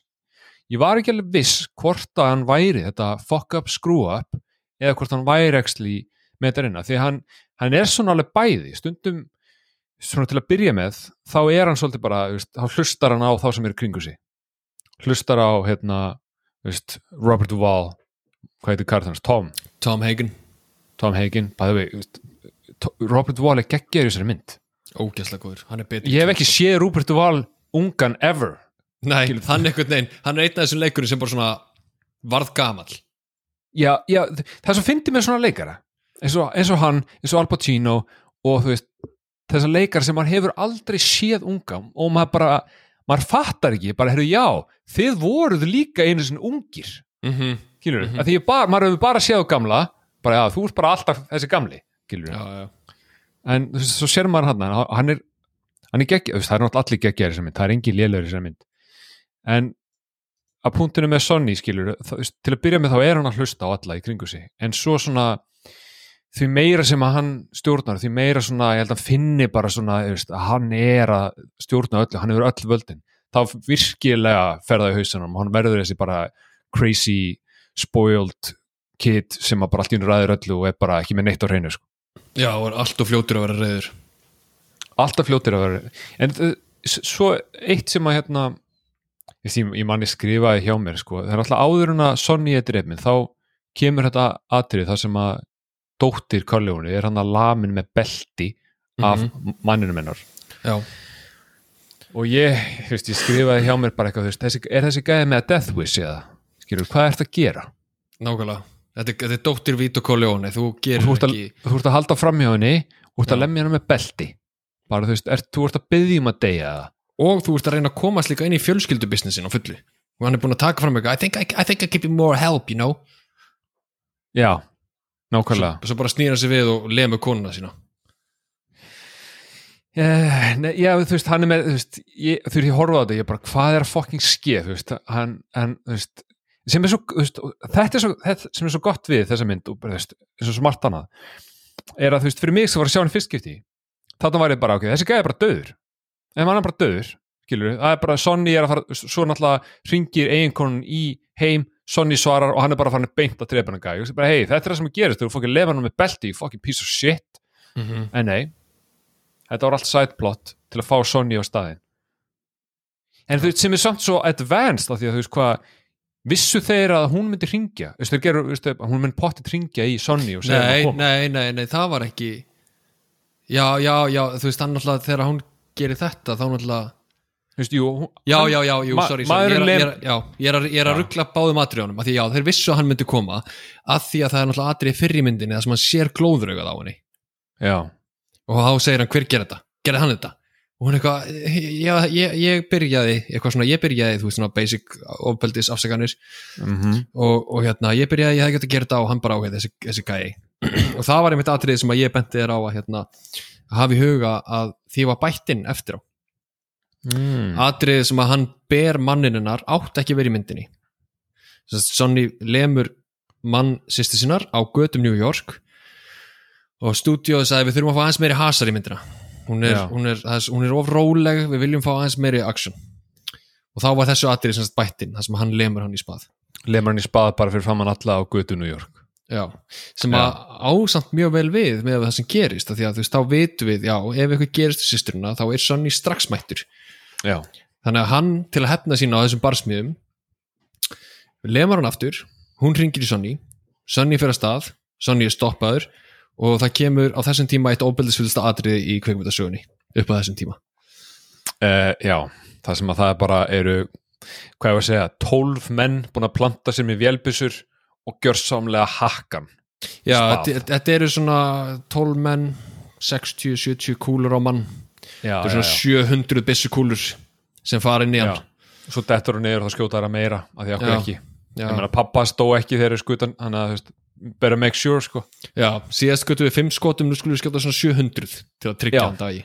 við erum bara virkilega, virkilega með þetta hreinu En, en varandi Michael, þá er sko, Sonny vildi ráðast á hinna fjölskyldunars. já, En en hann vildi ráðast á þær og drepa á. Mhm. Uh, en hann var alltaf drepinn, þannig að Michael tekur við. Michael skipulegur leigumorð á öllum öðrum Godfathers í New York á meðan að hann er að taka við sem guðfæðir. já, og það er, veist, og það er náttúrulega svo geggja dítela því að veist, ég rauninni í síðustu aðturinu þar sem að Al Pacino eða Michael og Don Corleone eru saman þá sér maður að Don Corleone, hann er pínu svona hann er gamall, hann er svona man ekki alveg allt hann frá hann að endur taka sig og eitthvað en segir samt við hann skilur hérna um, ef einhver býður þér á fund þá veistu að ságægi er svikarinn. Já, þeir Svo munur viti reyna að drepa þig. þeir munur að drepa þig og sá sem býður á fundin það er sá sem er svikarinn. Mm og viti menn Don Corleone deyr stuttu setna í tómatagarunum sínum að láta skjóta sem er vassbissu af barnabarni sínu uh, og í jarðaförunni þá kemur þetta bóð, bóðið á fundin Já, Kemur- þetta var svo töff þetta var svo töff. Þetta var svo, þetta var svo hvað, hann svona dregur hann til hliðar og svona, herðu hérna þessi yfirmaður þessar fjölskyldu, hann vil endilega hitta þig. Og maður bara svona, já, já, að drepa hann sem sagt. Já, og í staðinn þá ákveður hann á heilagasta mómentinu þegar hann er að taka við, hann er að vera að gera hann að godfather fyrir eitthvað badd sem var fætt. Sist, Já, badd sýstur. Já, það er að gera godfather því heilug stund fyrir þetta fólk, þau eru öll katholsk öll, öll, þessir, allar þessar ítölsku New York fjölskyldur.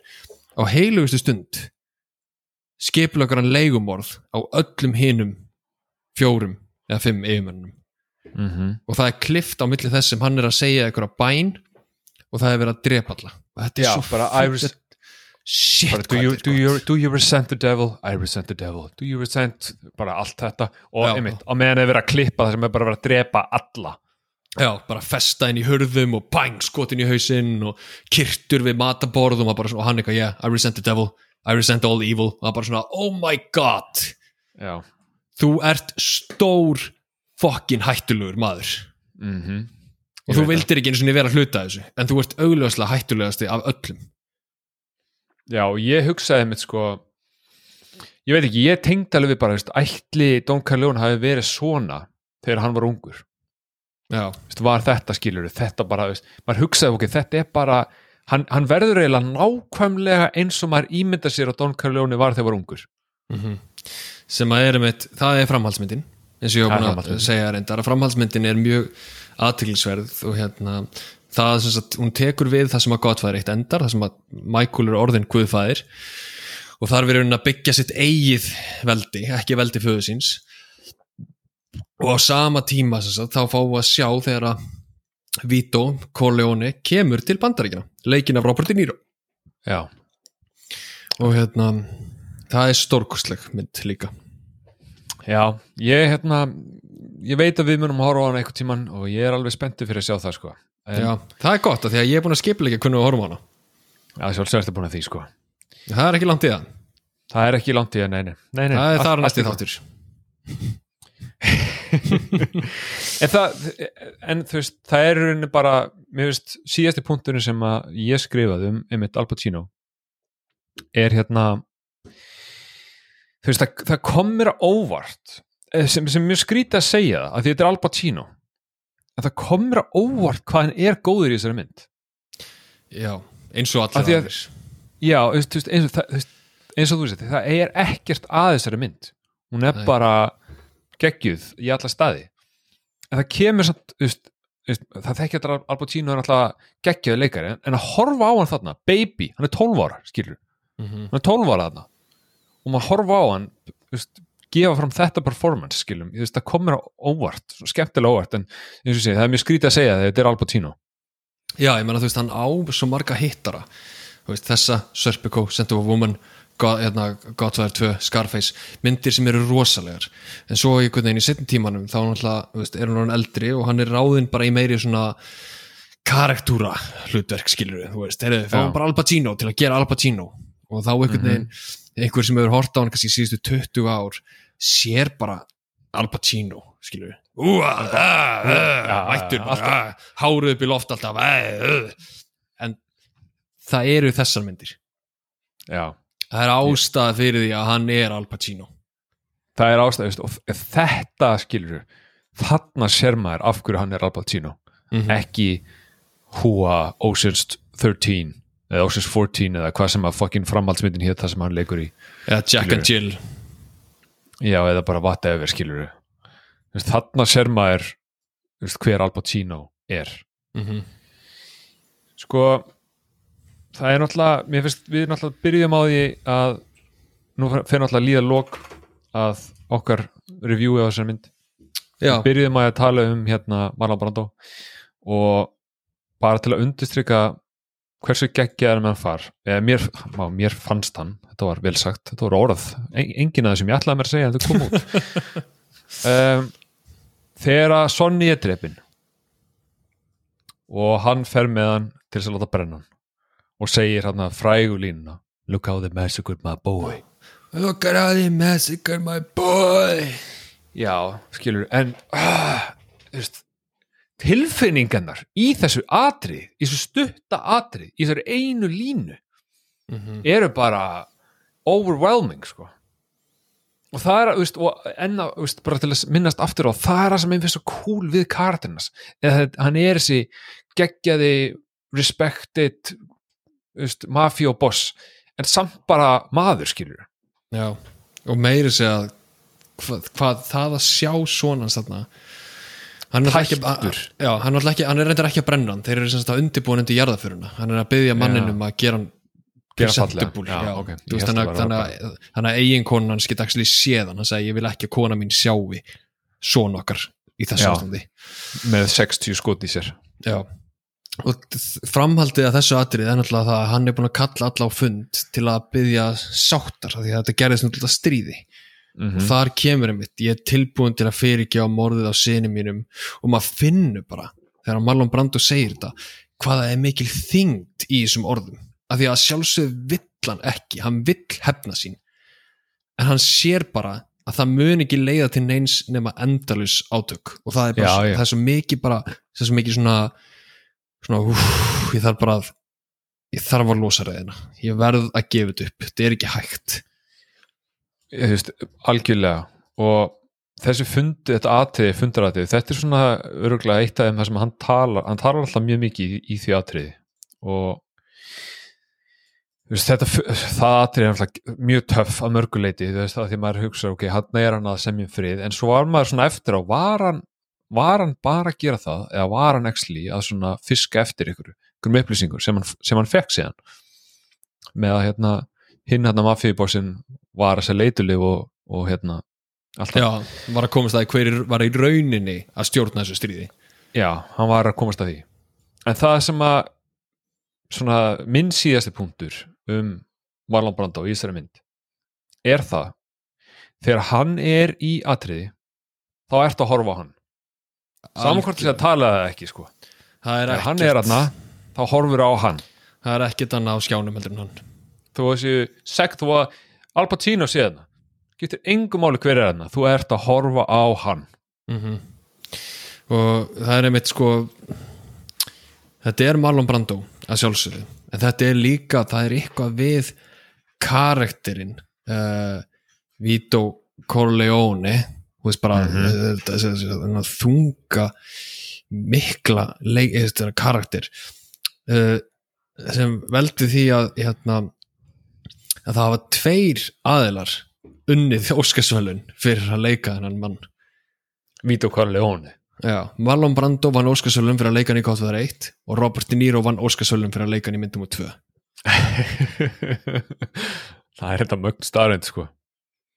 Það er, Ég held að, þetta held að er sé bara sko. Já, ég held að sé bara Jokerinn sem að hefur unnið Óskarsvölun fyrir mismunandi framviðstöður Það Joaquin Phoenix og Heath Ledger. Já það er já, magnað. það, það er virkilega magnað sko. Uh, En það er ekkit fleira frá mér heldur sko. Nei, ég bara eins og segi, þú veist, þetta er þessi mynd var eins og segi, þetta var ástæðan fyrir við byrjuðum á þessu. Og hérna, þú veist, ég vissalega eins og þú varst búin að segja, eins og þú veist það finnst mér gaman af myndið það sem er mikið talað. Mm þegar, að, þegar að það að talið heldur manni, þegar að grípum manni og maður er bara investið í öllum samræðum og öllu sem er sagt. Og mann man miss- alltaf líka reyktar Óskar fyrir besta handrit gott það er Já, já, þú, þetta er bara sem, þú vilt ekki missa af orðiði sem er sagt í þessari mynd. Og fyrir þrjá klukkutíma er það náttúrulega bara eitthvað eitthvað magnað.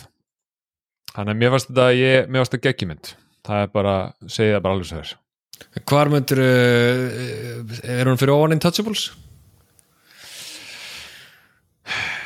Ég þarf að fá að melta það. Já. Ég, þarf að fá að það. er ég, skil, ég skil fullkomlega ef að þið finnst Intouchables skemmtilegri mynd. Það, á, mínum mati eru tveir skalar. Það er skemmtilegustu myndir sem þú hefur séð svona uppáhaldsmyndinar og svo bestu.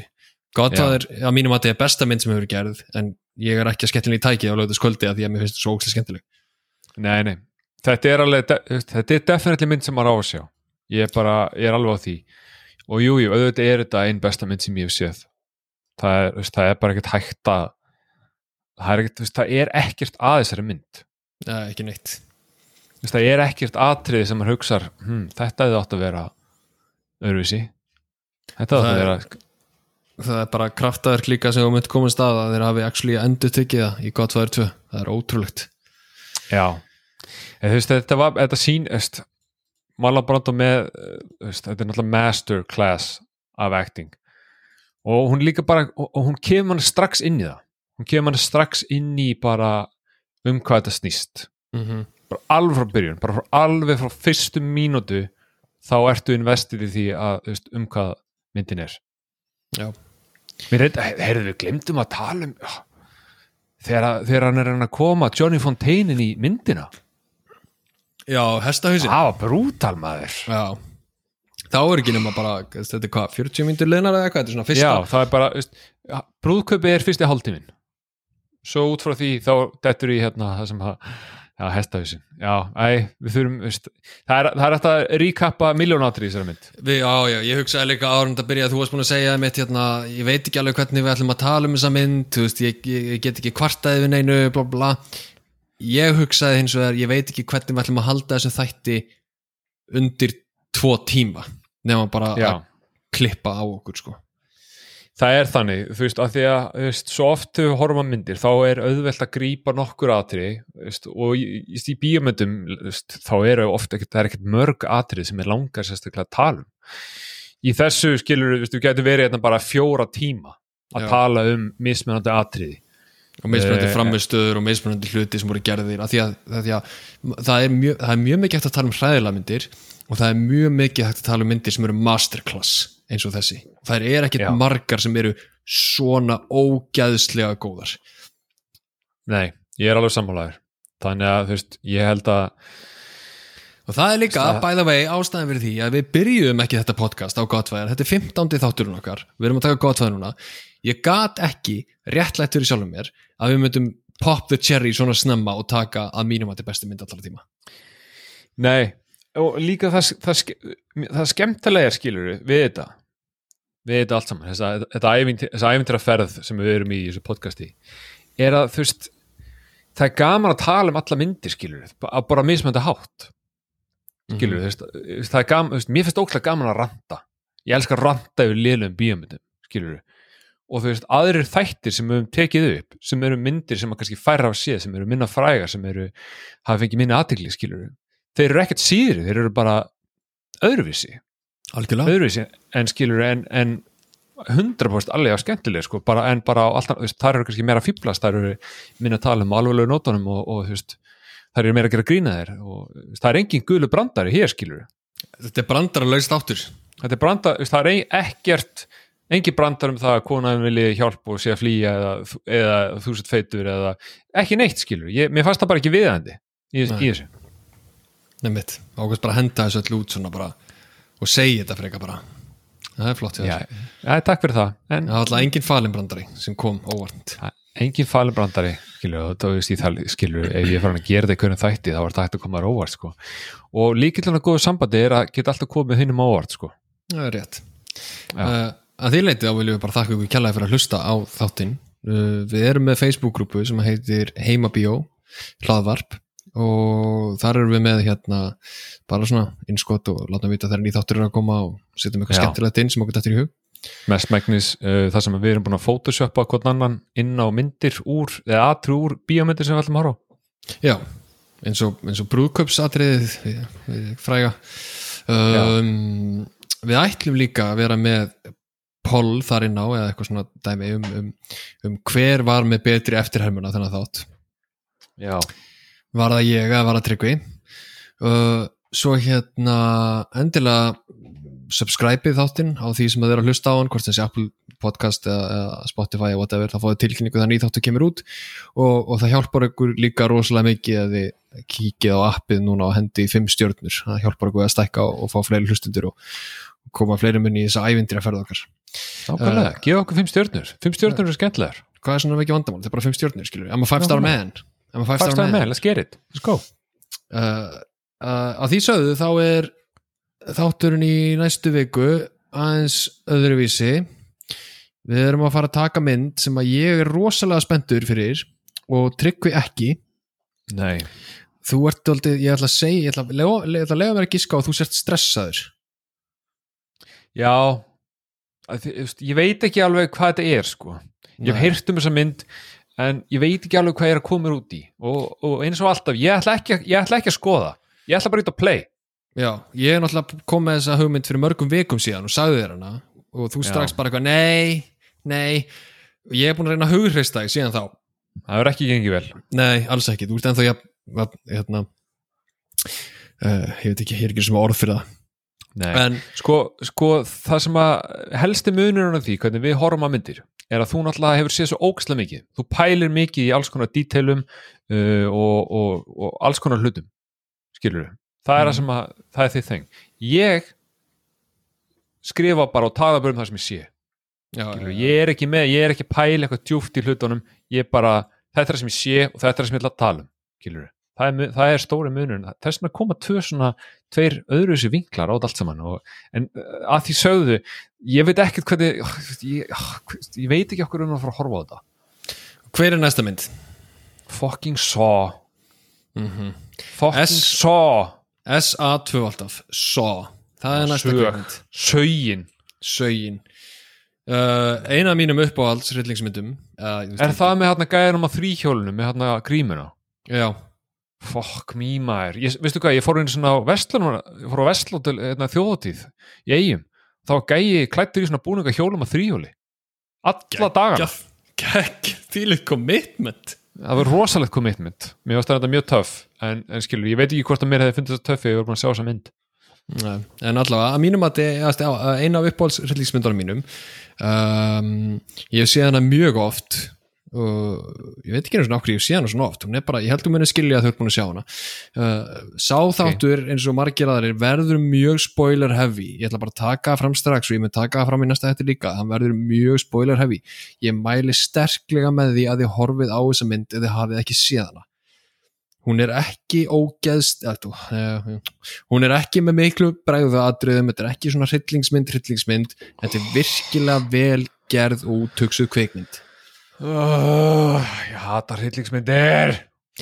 Þannig að það, en þú veist, til næst. Aftur, takk fyrir að hlusta og uh, takk